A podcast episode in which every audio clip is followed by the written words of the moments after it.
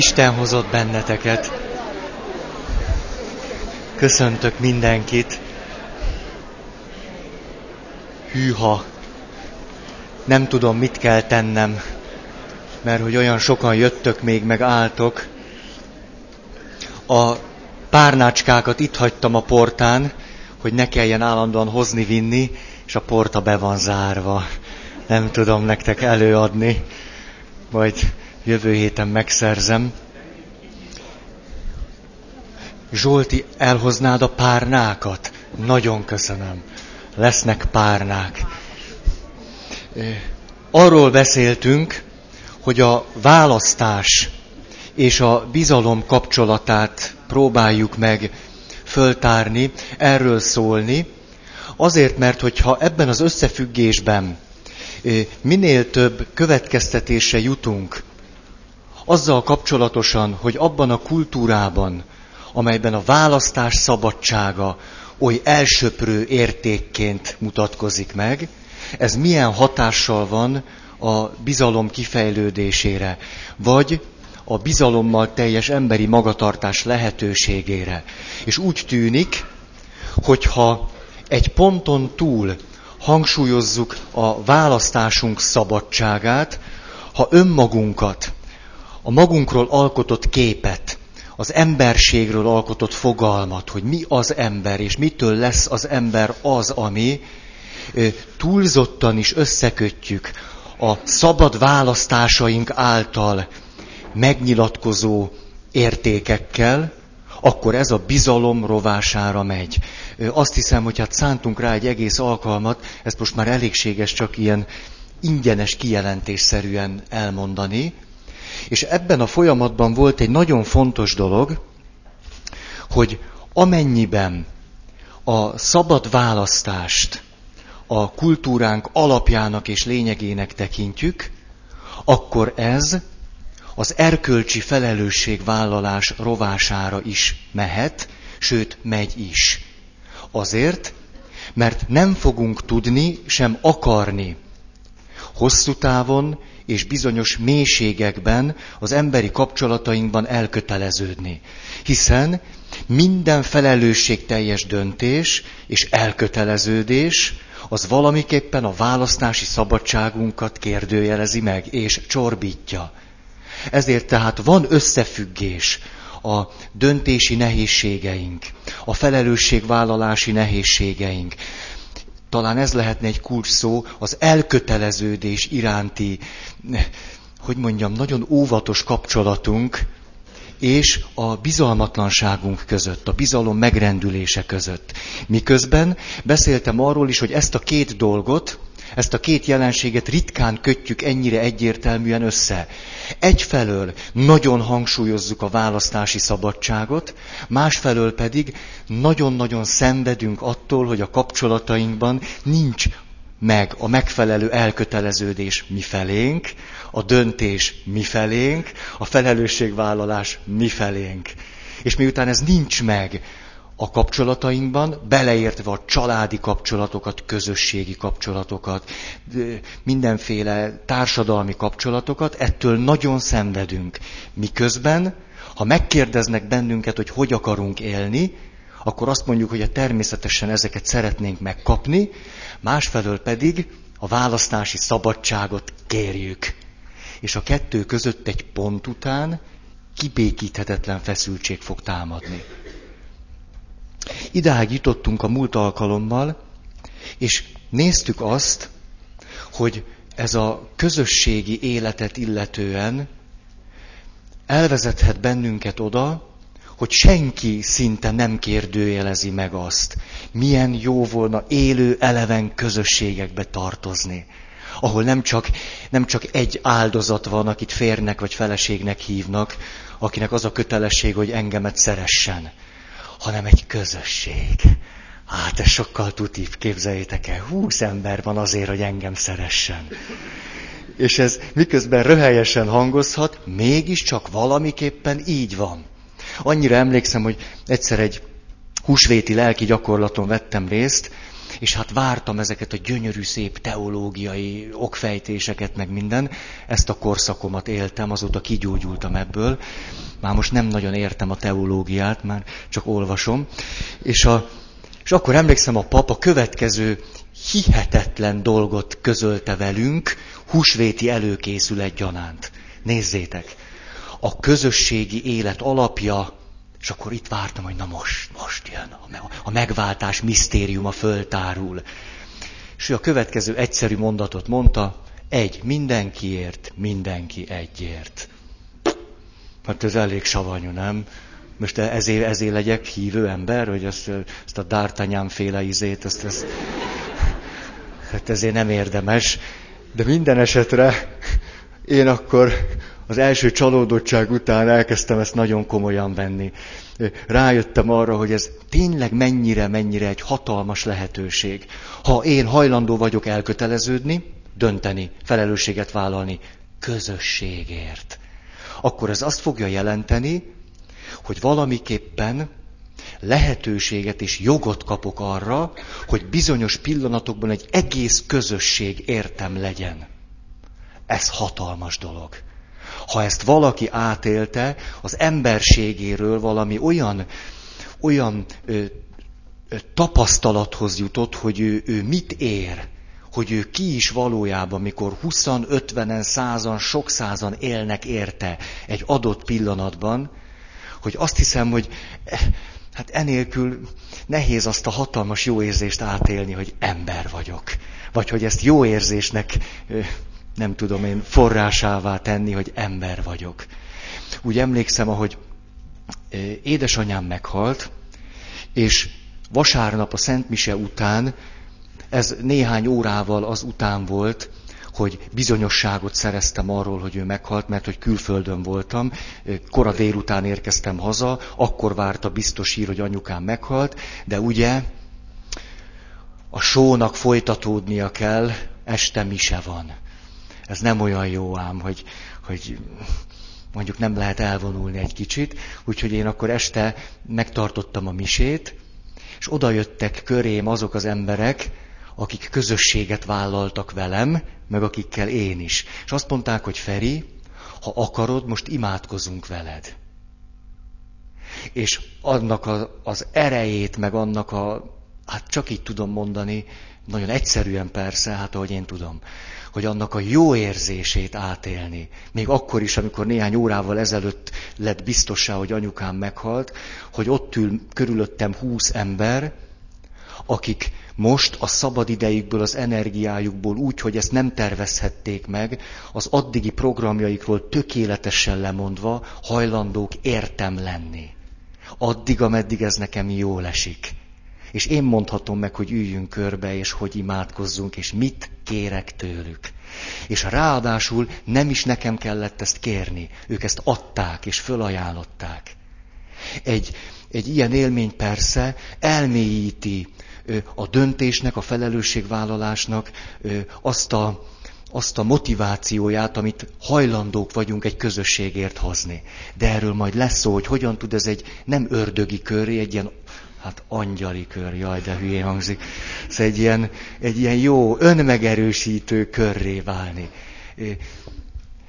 Lehet, hogy ebben a helyzetben, ahogy így visszaemlékszem, nem is az esett a legjobban, hogy most éppen anyukámért imádkoztunk, vagy hogy nem voltam egyedül, vagy amire talán elsőként gondolunk, hanem arra, hogy mindenki én értem, mint egyszem valakiért létezett ott másfél órán keresztül. Idáig jutottunk tehát, és befejezném ezt a megközelítést azzal, hogy szociológusok beszélnek arról, hogy milyen egyértelmű okai vagy háttere lehet a bizalmatlanságnak. Fogok mondani egy rövid listát, csak azért, hogy benne legyen a fejetekben, és utána, ha ma eljutunk odáig, akkor pszichológusok által mondott listát is fogok mondani a bizalmatlanság okairól. Önmagában is izgalmas az, hogy két különböző megközelítésben mit tudunk empirikusan bizonyítani, hogy az a bizalmatlansággal összefüggésben van. Az első, bizalmatlanná tesz bennünket az alacsony társadalmi, gazdasági helyzet. Nagyon egyszerűen szólva a nyomor. A nyomor indokoltan bizalmatlanná tesz bennünket. Ezért kellene nagyon önkritikusnak lenni akkor, amikor huzamosabb ideig az utcán élő emberektől számunkra természetes megnyilatkozásokat várunk. Adott esetben a bizalomnak egy minimumát várjuk tőle. És amikor ezt nem adja meg nekünk, akkor fölháborodunk, hogy mit képzel. Miközben természetes folyamatok vezethettek el oda, hogy ő benne nincs irántunk sem bizalom. Hogy mondjuk, ha van köztetek szociális munkás, az átélhette azt, hogy heteken, hónapokon keresztül kísér valakit, egy csomó időt, energiát fektet ebbe bele, hívő emberként ad abszurdum még szeretni is igyekszik őt, és az illető ezt nem viszonozza a bizalmával. Vagy a legkisebb megingásunkra hihetetlen elutasítóan válaszol. És akkor előttünk úgy áll ez a helyzet, hogy hónapokon keresztül güriztünk valakiért. Egyszer késtünk öt percet, és az illető lesöpör bennünket. És mi nem értjük. Azt mondjuk, hát hol, hol van itt az egyensúly? Hát ezt érdemlem én, hát százat adtam, egyet vettem el, és te már is hogyan válaszolsz nekem? Ezért fontos megkülönböztetni a szegénységet a nyomortól. Azért, mert a szegénység önmagában nem lehetetleníti el az ember bizalomra való képességét. Sőt, adott esetben a szegénység, akármilyenféle szegénység, nem föltétlen anyagi szegénység, valamiféle szegénység, a rászorultságnak elemi tapasztalata éppen, hogy a bizalom megerősödéséhez vezethet.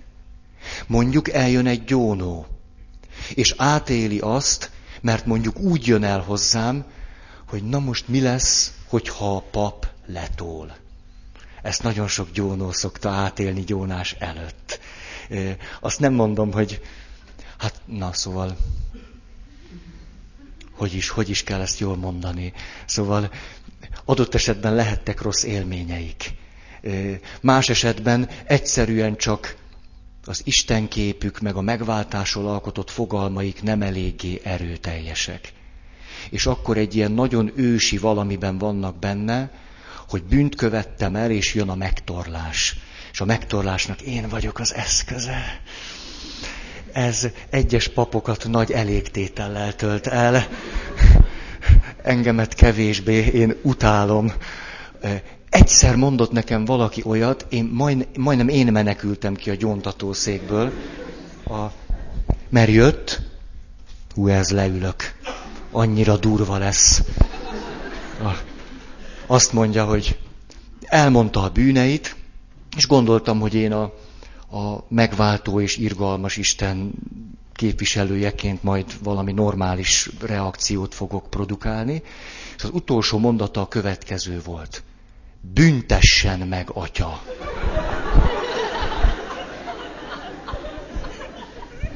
Tudod, ki büntet meg téged? Rossz helyre jöttél. Nagyon szörnyű, szörnyű érzés. Mi, mi, na hát értitek dehogy büntetem. De miközben mondjuk egy ilyen fordult velem elő, hogy valaki jött, és hát emögött nagyon sok minden lehet, ezt hagyjuk is. A, hogy büntessen meg atya, de nagyon sokan jöhetnek úgy, hogy csak ne büntessen meg atya. Csak ezt nem mondják ki. De a félelem vagy szorongás vagy nagyon sok minden bennük van. És amikor egy ilyen helyzetben megélhetik azt, hogy az atya nem bünteti őket, meg hát miért is tenném? Hát a bűnbánatukra való válasz nyilvánvalóan az Isten irgalma. Hát nem, nem is az enyém, hát ki vagyok én, hogy, hogy én, én, én fejezzem ki az irgalmamat. Hát az a kötelességem, hogy ő neki válaszoljak az ő bűnbánatára. A, hogy ezt miért mondom? Azért, mert ez is egy szegénység, egy erkölcsi rászorultság lehet valakiben, amikor gyónni jön. Kiszolgáltatottá teszi magát a bűnbánat által, és ráadásul ezt fel is fedi. Ő azt mondja magáról tulajdonképpen, hogy végtelenül szegény vagyok, és rászorulok arra, hogy Isten engem gazdagítson. Ezzel visszaélni hatalmas bűn. Közben pedig ez a példa talán megerősíthet bennünket abban, hogy a szegénység önmagában hatalmas áldás forrása lehet. Mert éppen a bizalom felé vihet bennünket, de a másik oldalon kell valaki, aki ezt a szegénységet fölismeri, és erre a szegénységre válaszol. A nyomor nem így van. A nyomor az, amikor valaki már a személyiségében úgy sérül, hogy képtelen arra, hogy a maga kiszolgáltatottságából bizalom fakadhasson. Ő akkor már olyan mértékben nyomorult, hogy őt gyógyítani kell. Pátyolgatni, ölbevenni, kézbevenni, szeretgetni. Akkor is, hogyha lehet, hogy ez éveken vagy évtizedeken keresztül tart. Hogyha itt most egy lelki nyomorról beszélünk. Például egy súlyosan elmebeteg ember. Az a szegénységnek egy nagyon sajátos formája. Joga van, hogy őt mi, most mint a társadalomnak reprezentánsai, pátyolgassuk, simogassuk és dédelgessük.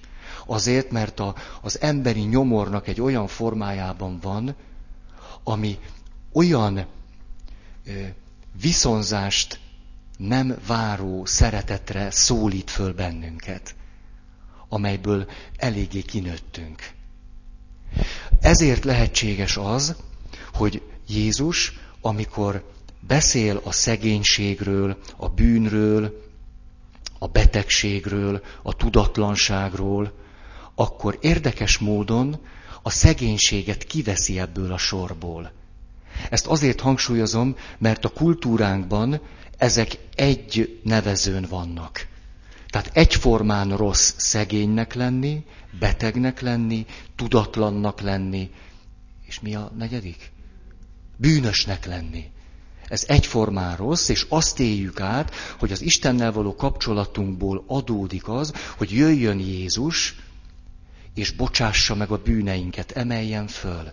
Jöjjön Jézus, és ahogy láttuk, gyógyítson meg bennünket, mondjuk a belévetett bizalmunk révén.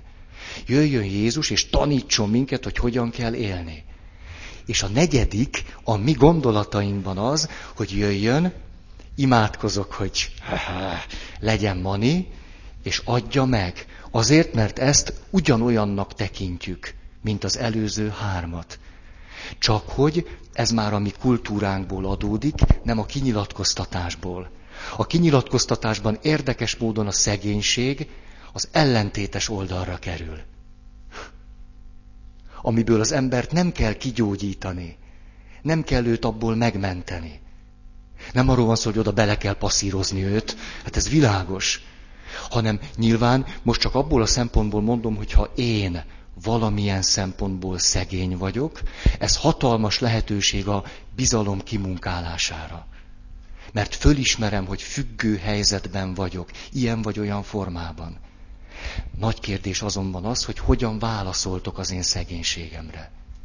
És ezzel ellentétben áll a nyomor, amit most már nem ragozok.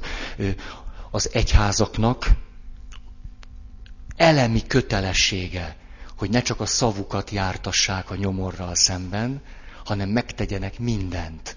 Azért, mert ameddig valaki nem szegény, nyomorult állapotban van, addig semmilyen olyan reális követelménnyel nem állhatok elé, hogy bízzon.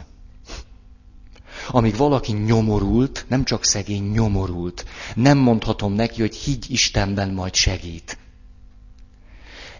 Ez furcsán hangozhat, de én papként ezt mondom neki, bűnt követek el ellene. Mert nem ismertem el a nyomorát. Akkor először a vasárnapi beszédben is így mondtam, és láttam a megbotránkozó arcokat, hogy az egyháznak kutya kötelessége, de hát így van, az egyháznak kutya kötelessége a nyomor megszüntetésére minden erejét latba vetni. Azt hiszem, hogy ebből a szempontból megint csak nagy mulasztásaink vannak jelenleg is. Nagyon finoman kellene megkülönböztetnünk a szegénységet a nyomortól. És a nyomorral, most hallom, hogy áll, hát persze ki tudja, hogy ez hogy van. Hogy de állítólag Magyarországon 5 milliárd forint elég lenne ahhoz, hogy a gyermeknyomort megszüntessük. Tehát egy tulajdonképpen egy pitiáner tétel. Azt hiszem, hogy erre akkor valóban nagyon sok, az, mind az öt milliárdot rögtön oda kéne adni. Azért, mert ez súlyosan rombolja ezeknek a gyerekeknek a bizalomra való képességeit. Oké. Okay. Ennyit a alacsony társadalmi-gazdasági helyzet, de itt a nyomort értsük alatta. A másik, bármiféle kisebbségi státusz. Talán nem, nem különösebben igényel ez, ez példákat. Bármiféle kisebbségi státusz. Azért is, mert a kisebbségi státusz nagyon kedvez a bűnbak képzésnek. Csak egy kicsit legyél más, mint a többiek előbb-utóbb te leszel a fekete bárány, aztán jaj neked. Ez pedig megerősíthet téged abban, hogy a világ nem bizalomra érdemes. Ugye azok, akik, azt hiszem néhány héttel ezelőtt ezt emlegettem, vannak olyanok, akik szinte élvezik, hogy ők a fekete bárányok. Ugye elől az van írva a trikójukra, hogy nyomorult vagyok. Hátul üs. És az igazi üzenet itt hátul van. Igen, ezt mondják, és ezt kérik, hogy üs. És ez akkor lehetséges, hogyha valakiben a bizalomra való képesség már olyan mértékben megrendült, hogy valamiféle törődést már csak azáltal kaphat, hogy ütik, vágják. Furcsa lehet ez, de akkor legalább történik vele valami. Harmadik, a bizalmatlanságnak gyökere lehet bármiféle traumatikus életesemény. Bűncselekmény áldozatává válni. Az egészség megrendülése válhat ennek okává. Válás átélése, apa hiánya és az összes többi. Most mondok egy érdekes dolgot, mert eddig egy csomó unalmasat mondtam. Tudjátok-e azt, hogy egyértelmű összefüggés van az apa hiánya és a materiális értékrend között? Na ehhez mit szóltak? Az apa hiánya kihat a materiális életvezetésre, az pedig a bizalmatlanságra van igen jó hatással. Mert hogy beszéltünk a szerzés, birtoklás, stb. A biztonság, Ugye, ha nem éltem át azt a, azt a bizalommal teli, biztonságos helyzetet, hogy van apukám, akkor az anyagi dolgoknak a birtoklása marad, amely kialakítja bennem a materiális életvitelt, majd megerősíti a bizalmatlanságba vetett hitemet. Hogy az vagyok, amit megeszek. Inkább te csap be a másikat, mint hogy ő téged. Na, azért erről tudnék valamit mondani. Úgy átvágtak engem néhány héttel ezelőtt, kicsit jópofa volt az üzenet rögzítőn, amit meghallgatott öt ember előttem, a következő üzenet állt. XY vagyok a harmadik kerületi rendőrkapitányságról, a plébános urat keresem fontos ügyben. Mm. Ugyanis jött valaki, na, elmondom, hogy kell gazember módjára pénzt keresni. Jó? Izgat titeket? A, úgy is beszéltem arról, hogy a statisztikák azt mutatják, hogy a gazemberségre egyre nagyobb fogékonyságunk van. Ugye így egyszerűen szólva. Csöng a telefon. Mise előtt egy olyan fél órával, valaki azt mondja, hogy ilyen interurbán kapcsolást, nem tudom micsodát fogadok el, úgy, hogy én fogom fizetni.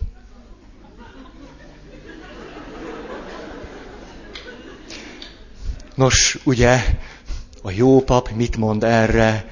Hát hogy ne, hát persze. Pe, duplán száll, emel díjat nyugodtan. Na, erre elkezd, nem tudom, szóval történik valami, mint hogyha valami kapcsolás volna, és akkor egy ilyen tört magyarsággal beszélő illető a következőt mondja nekem, ez most néhány héttel ezelőtt, kedves atya, én innen telefonálok Münchenből, és hogy úgy hallottam, hogy te szoktál hajléktalan embereknek is segíteni, és hogy Magyarországon van most nekem egy ismerősöm, jó, ezt most nem folytatom, tehát kell egy jó történetet kitalálni. Ezt rátok bízom, azért valamit ti is csináljatok a pénzért. Tehát itt mond egy nagyon-nagyon klassz történetet, aminek végül is a csattanója az az, hogy fog nálam jelentkezni egy hajléktalan valaki, aki egyébként még epilepsziás is, tehát ezért nagyon-nagyon védeni kell őt, adjak neki egy bizonyos összeget, meg nem mondom mennyit, és hogy ezt ő majd elküldi nekem. Ti most nevettek, ugye, hogy hát ilyenbe sosem mennétek bele. Na jó csodálkozva teszi föl a kérdést, hogy hogy, hogy még nem jött oda, mert már úgy lett volna, hogy engem megkerest. Az egész egy ilyen eszméletlenül hihető dolog, már egy olyan baleknek, mint amilyen én vagyok. És a, mert hát szokott ilyen, a rendőr ezt kérdezte.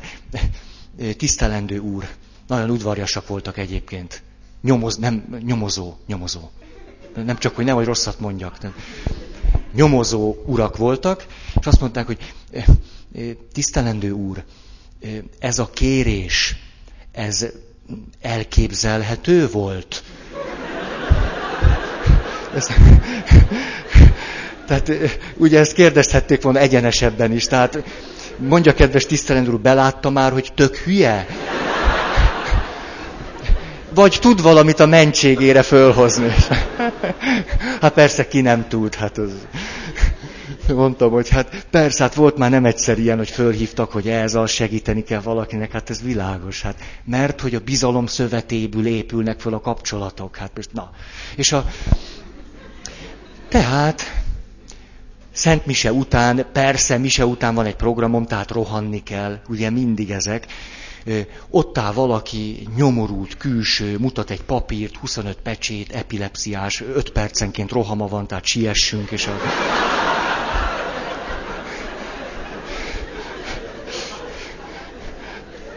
És a... Szóval a lényeg, hogy a megállapodott összeget nyomjam minél gyorsabban neki, mert hogy ezzel a pénzzel ő neki még most este le kell mennie vidékre, ahol... Hát szóval én elég hülye vagyok, úgy egyébként, de az egy, egy kicsit elkezdtem bizonytalan lenni, és a következő, szóval látjátok azért az emberség arra gondoltam, hogy ha majd én kiderítem, hogy ez hogy van, miközben eldöntöttem, hogy odaadom a pénzt, hogy megkérdezem a pályaudvart, hogy megye akkor vonat, amikor ő mondja. Ha-ha, eszetekbe jutott volna ilyen? Nekem igen, mert engem nem lehet csak úgy átvágni. Na jó, Fölhívom a pályaudvar, de így, így, ahogy mondom, fölhívom, az ürgének mondom, hogy kint álljon, ma büszke vagyok magamra, hogy nem engedem be a plébániára, csak a lóvét adom majd oda. Ah. Tehát fölhívom, pontosan percre akkor megy a vonat abba a helyiségbe, amit ő megnevezett, csak nem a nyugatiból, hanem a keletiből. Hm. Itt kezdett egy kicsit a kételjem erősödni, és akkor, hogy kőkemény, hát mégiscsak én vagyok, én nem vagyok epilepsziás, értitek? Tudja-e, hogy nem a nyugatiból megy, hanem a keletiből? És nézem, tudjátok, nagy emberismerő majd. És a következőt mondja ilyen halálosan nyugodtan. Jaj, atya, nagyon köszönöm, hát majdnem rossz helyre mentem.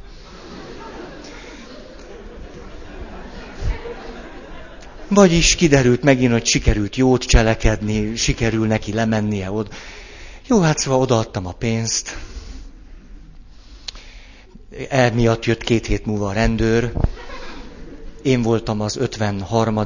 körülbelül, szomszédaimat is meglátogatta, elmondta, ez egyébként nagyon, nagyon jól esett nekem, hogy az általam elkért összegnek a tízszeresét is el tudta kérni más helyeken.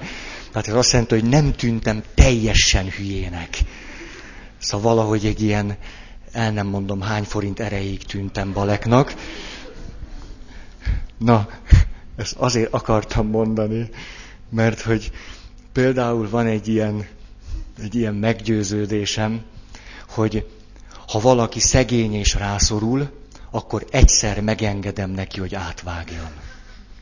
Tehát hajlandó vagyok belemenni olyan helyzetekbe, amelyekben fölmerül egy erőteljes gyanú, hogy tök hülye vagyok. De inkább belemegyek. Azért, mert hát, ha ő az a nyomorult, akivel kapcsolatban, ha én nem válaszolok jól, akkor bűnt követek el a magam erkölcsisége szerint. Ezért inkább vágjanak át. Ebből a szempontból nem rendültem meg attól, hogy kiderült, hogy balek vagyok. De ezt azért akartam mondani, mert hogy erről, erről beszéltünk, hogy, hogy apa hiánya, materiális értékrend, bizalmatlanság megerősödése és a többi. Hogy, na, negyedik pont, fundamentalizmus. Ugye milyen meghökkentő ez? Fundamentális vallásosság összefüggésben van a bizalmatlansággal. Ejha! Nyilván azért, mert szekták, amelyekben nagyon fundamentális vallásosság uralkodhat, a többségében így is van, olyan mértékű biztonságot adhat, a nagyon nagy biztonság igényel rendelkezők számára, azáltal, hogy mindent megmondanak, hogy hogy kell csinálni. Amely nyilvánvaló összefüggésben van azzal, hogy nem is kell, és nem is cél, hogy a te bizalmad erősödjön. Megadják ezt az elemi szükségletre való választ, hogy itt biztonságban vagy, mert mi minden kérdésre tudjuk a választ. Aztán annyira biztonságban vagy, hogy kérdezned sem kell. Annyira biztonságban vagy, hogy gondolkodnod sem kell. Mindent előre megmondunk neked. Már is az üdvözültek között vagy, de gyűjtsd a takarékbélyeget. És ezt megmondják, hogy havonta mekkora bélyeget kell benyalni az akármi, a kis lapocskára, és tuti a helyzet. Minek akkor ide bizalom? Ezért lehet ez nagyon furcsa módon következtetés, hogy bizonyos szekták éppen a bizalom ellen és a, az érett személyiség ellen működnek. Kiket tudnak megragadni? Nyilván a sebzett embert, aki hajlandó a bizalmát is odaadni egy maréknyi biztonságért. A következő, Ez bizony elég szomorú lesz. A történelmi egyházak keretében való vallásgyakorlással. Ajjajajajaj, nagy gáz, mi? Vagyis, amit elmondtam, mérsékeltebben, de érvényes a nagy történelmi egyházakra is. Ez nagyon kemény. De hogyha azért a, az egyházunk történetét látjuk 2000 évre visszamenően, akkor érthetjük, hogy ez miért van így. És azt hiszem, hogy most már évtizedek óta recsegnek, ropognak, nagy-nagy intézményes szinten is azok az abroncsok, amelyek inkább a biztonságra helyezték a hangsúlyt a bizalom helyett. Itt na, megint furcsa helyzetben vagyunk mi papok, azt prédikáljuk és azt várjuk tőletek, hogy higgyetek, miközben adott esetben hajlamosak vagyunk túlszabályozni benneteket. Túlzottan megmondani, hogy mi, hogy van. Állandóan adott esetben moralizálni, dogmatizálni, általánosítani, okoskodni, prédikálni. Ugye? Ezért volt az lehetséges, hogy nagyon sokan történelmi egyházakból kimentek. És érdekes módon ezzel a kimenetellel meg tudták erősíteni a személyes hitüket. Sajna létezik egy ilyen folyamat. Természetesen úgy látom belülről a mi katolikus egyházunkat, hogy bőven leoldódtak már az abroncsok annyira, hogy a katolikus egyház alkalmas legyen a hit megerősítésére. Hála Istennek! De ehhez nagyon-nagyon sokat kellett dolgoznunk. És itt egy fontos megjegyzésem lenne. Ahogy általában minket kívülről látnak, az sokkal negatívabb, mint ami belül van. Sokkal. Tehát ahogy mi működünk, ezt merem mondani, úgy általában sokkal inkább bizalmat érdemlő, mint ahogy rólunk azt kívülről gondolják. Ezt a dolgot hosszan-hosszan lehetne ragozni, csak, csak nem akarom, talán ennyi, ennyi elég. És aztán van itt még egy érdekes dolog, a fiatalabb generációknál nagyobb a bizalmatlanság.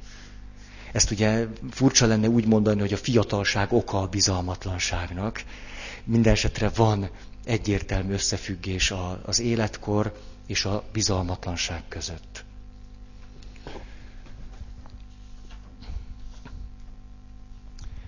Ennyit akartam volna erről, befejezésképpen csak még egy, egy, egy minta vagy egy kép, hogy milyen másképpen, és ezzel átvezetném a gondolatainkat a család és a hit viszonyára, a család és a bizalom viszonyára. Ez lesz az utolsó nagy téma, ez lesz a harmadik. A,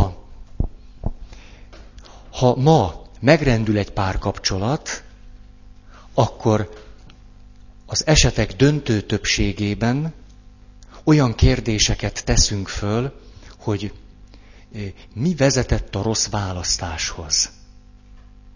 Miért nem találtam meg az igazit?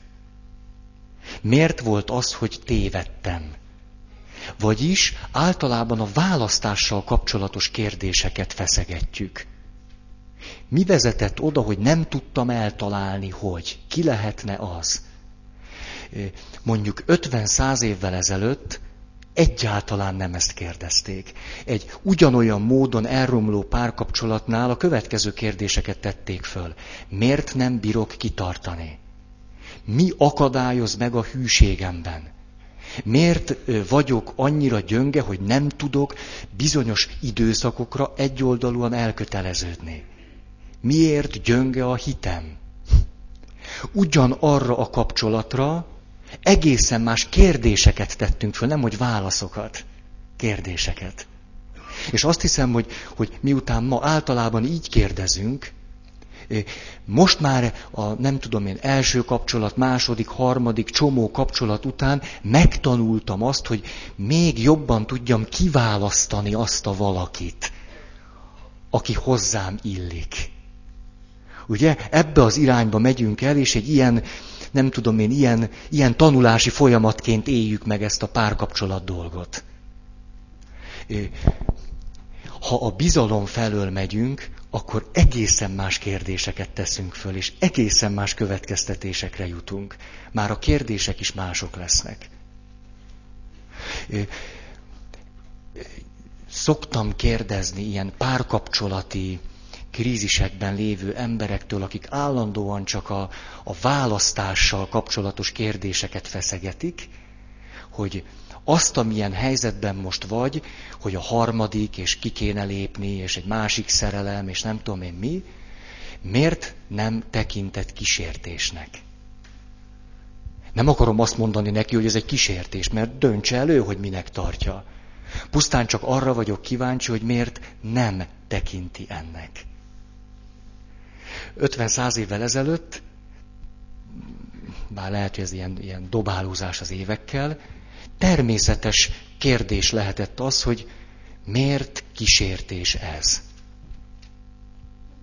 Ma pedig egyáltalán nem. Kis, mi az, hogy kísértés? Ez egy, ilyen szó nincs is. Tehát használjuk, csak értelme nincs már. A, ezzel szerettem volna átmenni a, a család világába, és akkor itt a család és a bizalom összefüggése, ha nagyon bele szeretném passzírozni az eddigi logikánkba, hogy bizalom és biztonság. választás és bizalom, akkor talán úgy mondanám, hogy bizalom és adás. Vagy bizalom és kapás. Az adás és a kapás nagyon sajátos viszonyban van a bizalommal. Mi általában kapni szeretünk, de minél inkább a kapásra, a gyűjtésre helyezzük a hangsúlyt, akár a családban is, az rombolja a bizalmat. Erről szeretnék beszélni, és aki nagy segítségünkre lesz, Böszörményi Nagy Iván, akit újból és újból szegényt ide rángatok. Nézzétek a tenyerem, van egy másodfokú Böszörményi Nagy Iván készfogásom. Néhány héttel ezelőtt kaptam, mikor ráhivatkoztam.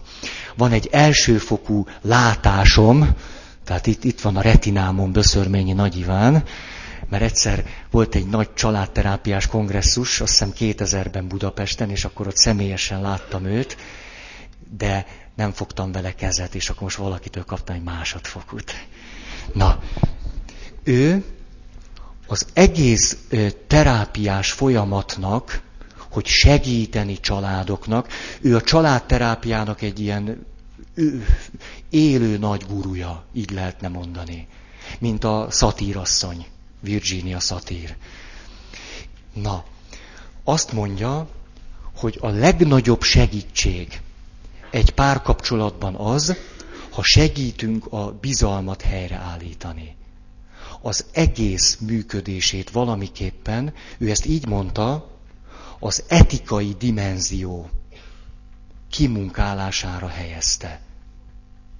Ezt szeretném azonban eh, kifejteni mindenképp. Megint egy picit iskolásan, ilyen ügyetlenül eh, mondatokat fogok mondani, és egy picit hozzáfűzni egy-két dolgot. Megint azért, hogy nehogy elveszem valami, ami fontos lehet. Azt mondja, hogy kapcsolataink lehetőséget adnak a bizalom megszerzésére, és a bizalom átélésére. És a bizalom összefüggésben van a jogosultsággal és az igazságossággal. Ez annyit jelent, hogy megszülettünk mi, pici csecsemők voltunk. Mi az, amit bele tudtunk adni a családi kapcsolatrendszerbe? Mit tudtunk adni?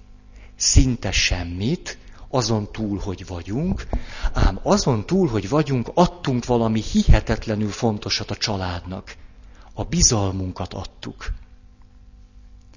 A fizikailag kiszolgáltatott helyzetünkből az adódott, hogy rászorultunk a szüleinkre, és ezt a bizalom által fejeztük ki. Ugye, a, a, hogy föl sem merül egy gyerekben az, hogy az apukája és az anyukája őt nem szereti. Hogy az apukája és az anyukája nem azért van, hogy ő neki enni adjon, meg inni adjon, egy gyerekben ez föl sem merül. Egy gyerek attól gyerek, egy pici, hogy számára a világ olyan, hogy ő éhes és kap enni. Ugye ez a fajta ősbizalom. A, vagyis a gyerek belead a, a családi kapcsolatrendszerbe valami nagyon fontos dolgot, a bizalmát. És a szülő erre a bizalomra válaszol. A kérdésem az az, hogy vajon jogosult-e a pici baba arra, hogy a bizalma révén kapjon. Ha én a, a mi világunknak a logikája alapján megyek, akkor azt mondom, hogy az igazságosságnak a mértéke az adok-kapok, akkor kaphatok, ha adtam.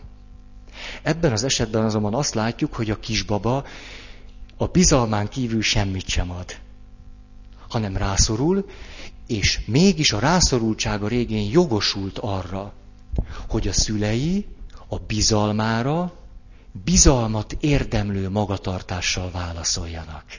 Vagyis, hogy megbízhatók legyenek. Vagyis egy pici baba a létezése miatt fölszólítja a szüleit, hogy a bizalmán keresztül válaszoljanak neki a megbízhatósággal. És a szülőnek ez kötelessége, mert a pici babának joga van ehhez, A létezése és a bizalma alapján. Innen indulunk ki. A, ha figyelembe veszem a másik ember felén való bizalmát, és a sokféle jogosultságát, hogy én válaszoljak erre a bizalomra, akkor én is jogosultságokat szerzek. Ez így nagyon furcsán hangozhat, ez az ő szakkifejezése. Érdemes egy picit e- erről beszélni. Talán nem, nem, Szóval most lehet, hogy úgy tűnik nektek, hogy jaj, micsoda ilyen nyakateker, tehát ezt beszéljünk már egyszerűen. Hadd mondjam ezt most így, és akkor utána úgyis majd összeáll a kép. Ez mit jelent?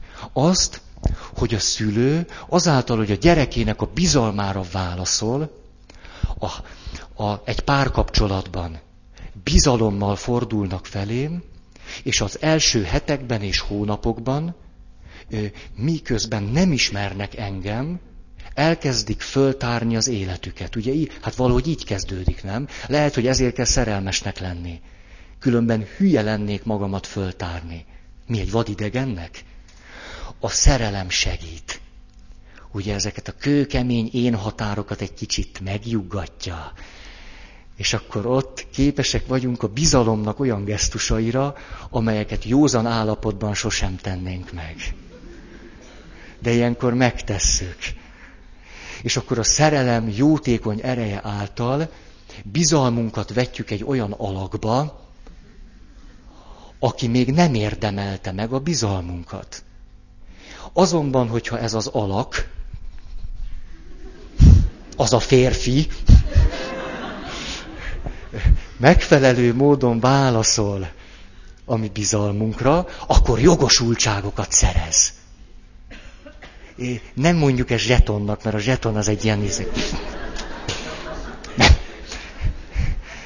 Jogosultságokat.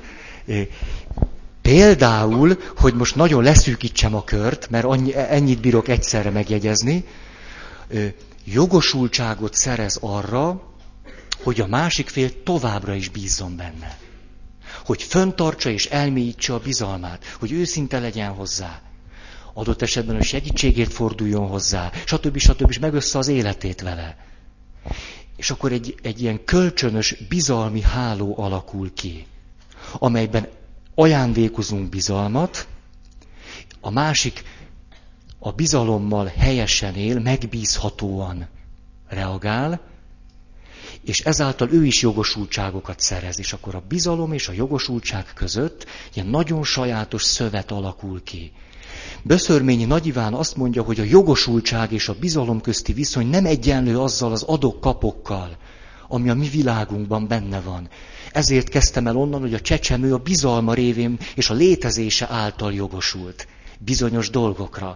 Nem adott tulajdonképpen még semmit. Sőt, 5, 10, 15, 20 év, és a szülő még mindig egyoldalúan, egy aszimmetrikus kapcsolatban folyamatosan többet ad, mint amennyit kap. És ez normális. Normális. A, na, majd erről még sokat fogok beszélni. A, hol tartok? Igen. Tehát, ha én é, megszereztem a jogosultságaimat, és ezek alapján a bizalmára a másik embernek méltóvá váltam, akkor ez egy sokkal mélyebb szinten köt bennünket össze, mint az adok-kapokban. Sokkal mélyebb szinten. Azért, mert itt nem jön elő a hatalom. Nem jön elő a zsarolás. Nem jön elő az, hogy én azt mondjam neked, hogy ha ezt nem teszed meg, akkor. Itt a bizalom és a jogosultság alapján egy nagyon mélyen ö, áramló élet és kapcsolat tud működni, amely természetesen mindig sérül. Hát itt lesz majd a helyzet nagyon izgalmas, hogy mi történik akkor, amikor ez sérül, mert ez törvényszerűen sérül.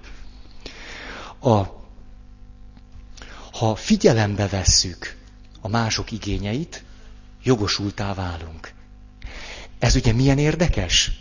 A mi világunkban nem ez, nem ez szerepel, hanem azt mondjuk, hogy akkor adok, ha kapok tőled. Itt pedig fordítva van. Ha megszólítottnak érzem magam általad, és hajlandó vagyok tudomásul venni a te igényeidet felém, ezáltal nyerek jogosultságokat. Ezáltal indul be ez a folyamat.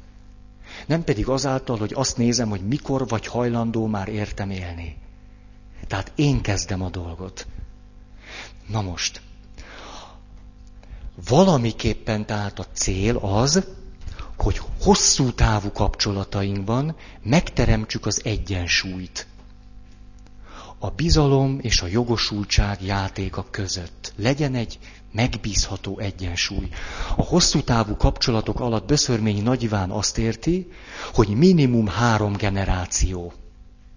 Nem tudunk megfelelő módon élni, a bizalomnak és a jogosultságnak ezt a dinamikáját jól megélni úgy, hogy az nekünk jó legyen, hogyha nem minimum három generációban gondolkozunk.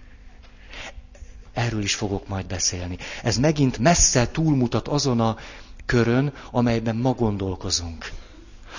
Ahogy ismerőseim beszéltek erről, hogy például Hollandiában már eleve ugye egy csomó családmodell létezik, egyszülős, meg akármilyenféle családmodellek, de hogy szociális munkás, nem tudom én milyen barátom jött onnan haza, egy évig tanult ott van, mit tudom én milyen dörö-dörö lett, és akkor azt mondja, hogy te képzeld el, hogy a szülők kiengedik a gyerekeiket, és utána szinte teljesen megszüntetik velük a kapcsolatot. Azt mondják, ez egy általános folyamat, azt mondják, hogy fölnőttél, elmúltál 18, van pénz. Tehát lakás lehetőség, stb. megvan, az egyetem mellett is, meg a füvezés, meg a narkózás mellett is el tudja tartani magát. Ezért aztán egész nyugodtan menjen az útjára. Azt megdöbbentő számomra, azt mondta, hogy amikor a, a, a felnőtt fiatal, mondjuk egy húsz éves fiatal visszamegy a szüleihez, akitől már legalább két-három éve külön költözött, akkor a szülők már természetszerűen eszük ágában sincs, hogy mondjuk ebéddel kínálják őt. A gyerekek a saját szüleikhez húsz évesen nem mennek ebédre vagy vacsorára, hanem uzsonnára mennek. Vagy vacsora után mennek, és csak egy kávét vagy teát kapnak. Elképzelhetetlen az, most nyilván mondhatjátok azt, hogy egy példából általánosítottam, de hát egy éven keresztül ő, ő pont ezt nézte, mint szociális munkás, hogy ez hogy a csudába van. Az volt a dolgozatának a címe, hogy a családi viszonyok hogyan hatnak a hajléktalanságra. Tehát ezért vizsgálta állandóan ezt, és, és ezeken döbbent meg, hogy a szülők számára nem, hogy nem természetes, hogy a felnőtt gyerekeiknek mondjuk ebédet főzzenek, hanem abszurdnak tűnik.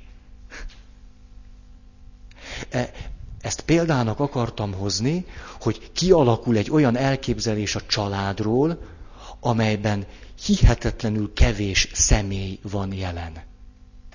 Anya-gyerek, család. Anya-apa-gyerek, és bezárul a kör. Nagyszülők sehol. A Hollandi, Hollandiából jött egyszer egy családterapeuta kiképző pár, egy férfi meg egy nő volt, és de nem úgy volt, szem voltak házas pár csak. Na. És, a, és akkor azzal kezdték, hogy több egyszer járunk Magyarországon, és az első alkalommal döbbentünk arra rá, hogy a, hogyha mi terápiát akarunk tanítani magyar terapeutáknak, akkor van egy kulcs szereplő, aki Hollandiában nincs, vagy nem kulcs szereplő. Tudjátok, hogy hívják? Nagyi. Aki mondta, nagyon okos volt. A nagyi. A nagymama. A magyar családmodellben jelenleg is a nagyi, valamilyen formában, ugye ez anyós formát is ölthet, a, nagyon fontos szerepet játszik. Ez ő nekik egy elemi fölismerés volt. Mert neki álltak kiképezni magyar terapeutákat úgy, hogy a nagyival nem törődtek. Ide haza ilyet. Ezt nekik meg kellett tanulni Magyarországon. Vagyis ebből a szempontból mi még nem tartunk ott ebben a, hát ezt fejlődésnek nem nevezném, ebben a haladásban, ahol mondjuk Nyugat-Európában tartanak. A, tehát ezt mondja Böszörményi Nagy Iván. Ha itt az egyensúlyt meg akarjuk találni, a bizalmunkat akarjuk fejleszteni, minimum három generáció. Megyek tovább.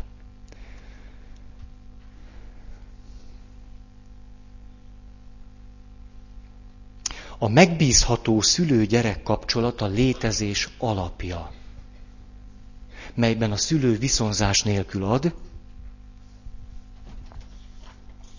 és ezt akkor is teszi, hogyha tudja, hogy a gyerekétől sosem kapja vissza, amit ő abba belefektetett. Ezért azt mondja Böszörményi Nagy Iván, a sok-sok évtized munkája nyomán, hogy akkor tud jól működni a bizalomnak, a jogosultságnak ez a köre, amelyben egyre jobban elmélyül a bizalom, hogyha az, amit a szülőktől kap a gyerek, azt a gyerek a saját gyerekeinek adja vissza elsősorban. Ezt többször mondtam, de, de fontosnak tartom mondani, mert beletartozik ebbe a rendszerbe. Sőt, ebből az is következik, hogy az a szülő, aki egy ilyen aszimmetrikus kapcsolatban, mint hogy én vagyok a szülő és ő a gyerek, akinek jogosultsága van a gyerek volt a révén, hogy én többet fektessek be, azt követeli vissza a saját gyerekétől, hogy ő gyerekként ugyanannyit adjon vissza, mint amennyit ő szülőként adott, jogtalanul teszi. Jogtalanságot követ el. Ez nem jelenti azt, hogy egy idős szülőt nem lehet ápolni. Hát világos. Csak nem mindegy, hogy egy olyan szülőről van-e szó, mint mondjuk a magyar kultúrában is ez benne volt, hogy mondjuk a legkisebb lánygyereknek az a kötelessége, hogy ápolja idős szüleit. Az összes többi szép lassan férjhez mehet, a legkisebb nem. Az a dolga. Ha hallottatok esetleg ilyen családtörténetet, vagy val egy ilyen embernek a sorsát, akkor azt figyelhetjük meg, hogy kössem az eddig elmondottakhoz, hogy ez a, ez a legkisebb lánygyerek, akinek azt mondták, ugye etikai dimenzió, hogy akkor vagy jó, akkor van jogod élni, akkor működsz helyesen, ha bennünket halálunkig ápolsz és kísérsz, és ezért nem házasodsz meg, az ilyen gyerek hihetetlen sok plusz jogosultságot szerez, amelyet azonban nem tud beváltani. Itt az egyensúly megbomlik. És ha én papként egy ilyen valakinek azt mondom, hogy mikor ő mondjuk eljön és azt mondja, hogy atya, nagyon nehéz. Eltemettem már az édesanyámat, most az édesapám nagyon beteg, de hát úgy fizikailag jól van, csak már szellemileg épült le. Néha azt gondolom, hogy én, én, én már kifutnék a világból, elfáradtam, elegem van. És ez a háttere. És én erre azt mondom, hogy gyermekem,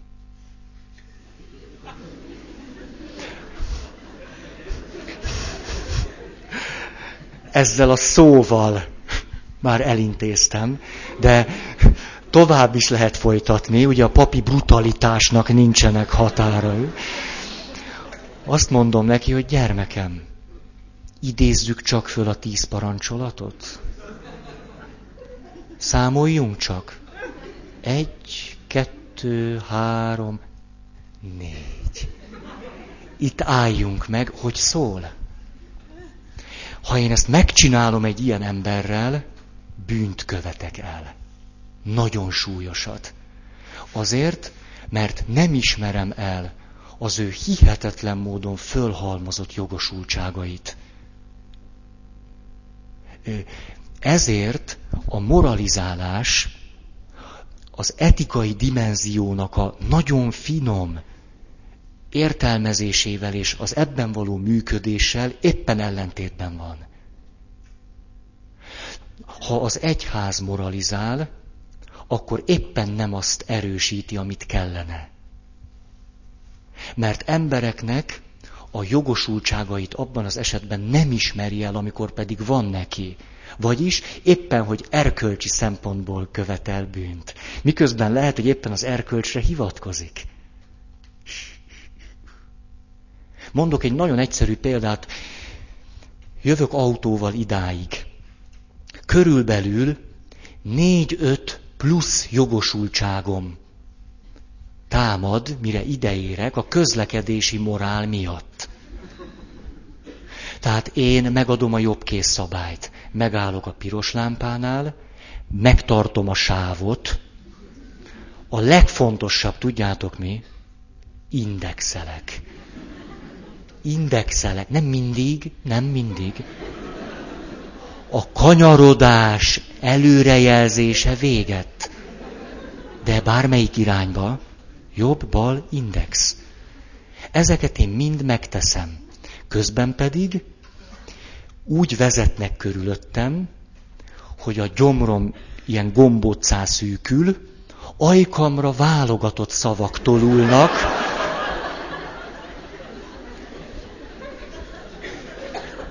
és elérkezek ide, és ti pedig ilyen bájos hívőként, és, és akárhogy ültök, és azt várjátok tőlem, hogy én egy ilyen, hát minimum semleges, de hát legalábbis egy ilyen hihetetlenül harmonikus, bizalommal teli előadásra kész állapotban kezdjek neki. Miközben nekem van négy-öt olyan jogosultságom,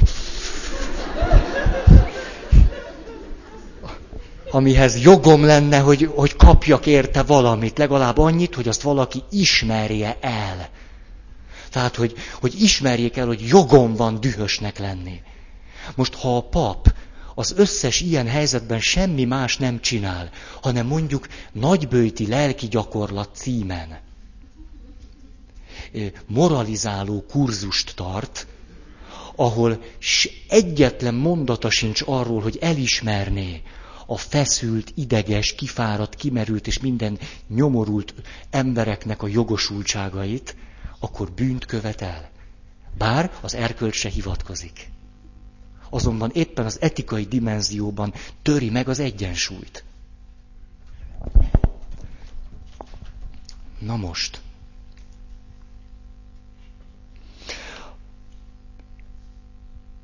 A szülőknek az a feladata, nem csak, hogy bizalomra méltóan válaszoljanak a gyerek bizalmára, ami a létezéséből fakad, hanem az is, hogy engedjék a gyerekeiket jogosultságokat szerezni.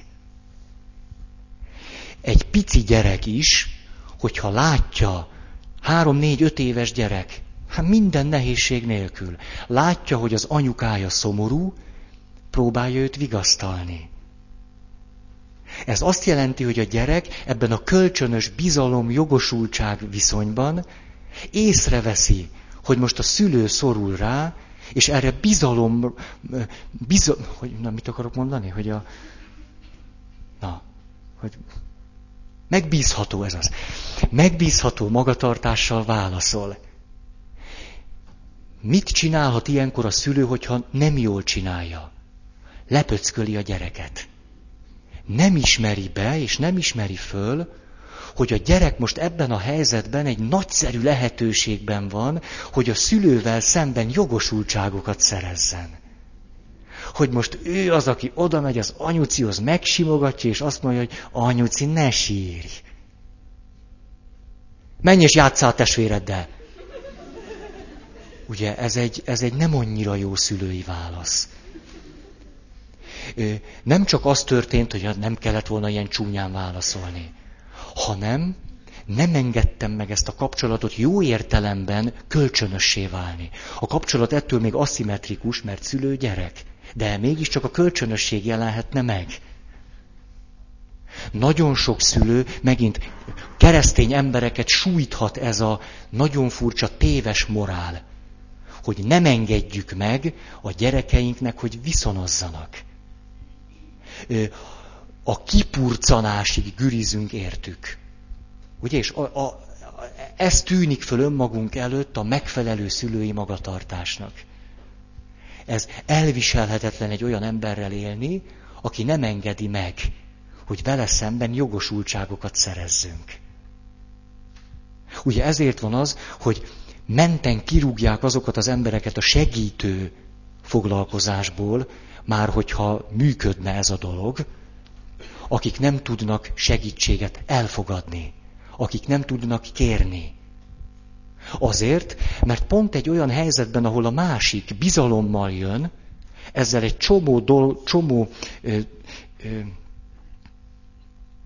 szempontból megszólít engem, ugye, hogy is mondjuk ezt, értékeket helyez a kapcsolatba a bizalma révén. És ha én nem vagyok hajlandó nagyon finoman észrevenni azokat a pillanatokat, amikor ő segít nekem, amikor számomra mondjuk hatalmas élmény volt egy beszélgetés. Pont ma jött hozzám valaki, és beszélgettünk. És a, a, ő mondta, hogy ú, nagyon köszönöm, hogy, hogy már ő mondta nekem, nagyon köszönöm Feri, hogy meghallgattál. És a, mondtam meg, hogy nagyon szívesen, hatalmas élmény volt ezt az egy órát eltölteni veled. Ezzel én elismertem az ő jogosultságát, hogy ő nem csak, nem csak kérni jött, hanem az őszintesége bizalma által adott nekem. És akkor erre elcsodálkozott, és azt mondta, hogy neked, hát hogy, hogy, hogy, hogy ez jó volt neked, vagy hogy, hogy én adtam neked. Hát egy gyónás volt, hogy, hogy én adtam neked. És teljesen ösztönösen, ú, guztustalan, mi magamat hozom példának. Na jó. Ti most jogosultságot szereztetek arra, hogy kritikusak legyetek velem, és egy kicsit undorítónak tartsátok ezt. Na, hogy és belőlem ösztönösen az jött ki, hogy hát persze, hogy köszönettel tartozom, mert ebben a gyónásban mi most az Istennel való találkozásnak az élményét éltük át. Hát én is itt voltam. Ha te nem jössz gyónni, ha én nem lehetek abban a helyzetben, hogy közvetítsem neked Isten irgalmát, nem élem át azt, amit most átéltem. Hát tele vagyok most élménnyel, meg energiával. Most nagyon egyszerűen mondva. Ebben az esetben én elismertem az ő jogosultságát egy ilyen kapcsolati valamire, egy kölcsönösségre. És nem tapostam őt bele, hogy kis gyónó, menj haza. A... Tehát a szülőnek nem az a föladata, hogy beledögöljön gyermekeinek eltartásába és mást ne csináljon. Na, de közben nézem, az hogy elment az idő? Nem? De, nagyon, nagyon. Ja, mi az, hogy nagyon elment? Nem jövök legközelebb. Ja, egy, egy, egy összefüggés még. Megint csak a család, párkapcsolat. Mi van akkor? Apuka? Jaj, nem. Anyuka, anyuka, gyerek, apuka. Anyuka, gyerek, apuka, következő történik köztük egy hihetetlen egyszerű helyzet. Megszületik a gyerek. Azért ez nem annyira egyszerű, de megszületik. Az édesanya miután a gyereknek létezésénél és bizalmánál fogva jogosultságai vannak, az anyuka fölismervén ezt a jogosultságot megbízhatóan viselkedik. Vagyis gürizik, föl kell, tö, tö, tö, ismerjük. Hát, ugye ezt minnyáján. A, igen ám, csak hogy ő neki ezáltal egy csomó jogosultsága támad, ugye? A családban a csomó jogosultságát, amelyet azáltal szerez meg, hogy éjt nappallá téve gondozza a csecsemőjét, hol válthatja be? Apuka. Sajnos, sajnos, a gyermekek nemzése komoly terhet ró a férfiakra, mert ebben az esetben és ahogy az elején mondtam, itt hosszú távú, több generációs dologban látjuk csak az egyensúlyt megvalósulni, miközben a gyereknek jogosultsága van, bár semmit sem csinál, csak úgy van. Az édesanyának kutya kötelessége gondozni a gyermekét, eközben az anyának is jogosultsága támad, amit pedig a férfinek kutya kötelessége tudomásul venni, hogy az egyensúly létrejöjjön. Honnan válthatja be a férfi a jogosultságait, amelyet abból szerez, hogy az anyuka, mint feleség nem tudja annyira viszonozni az iránta való szeretetét. Ha-ha! Anyós, anyós!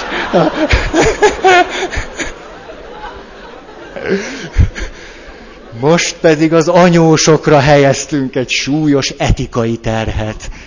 A, most ugye itt rögtön összeállt a három generáció, hogy adott esetben ilyenkor a fiúgyermek ezeket a jogosultságait legalábbis elemi szinten beválthatja úgy, hogy a feleség mondjuk tizet ad a férj a feleségnek, a feleség kettőt ad vissza.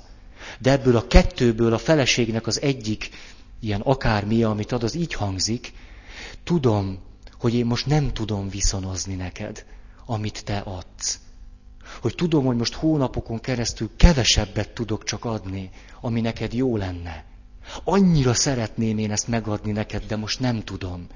Nagyon hálás vagyok azért, hogy te most egyoldalúan ezt csinálod. Hogy én nem tudok úgy szeretni most, mint hogy te szeretsz engem, mert nekem más felé megy ez a dolog. Majd el fogunk oda jutni, hogy ha igazából kialakult bennem a bizalom képessége, akkor egy ilyen helyzetet el tudok akkor is viselni, sőt, energiáim tudnak kerekedni egy ilyen helyzetből is, miközben én a jogosultságaimat nem váltom be, pusztán csak azt elismerik nekem. Ez egy nagyon fontos pont, ahova eljutottunk most. Hűha! A, megyünk még bejjebb a málnásba. Lesz, lesz, még, még, még izgalmas dolgokig eljutunk. Köszönöm szépen a figyelmeteket.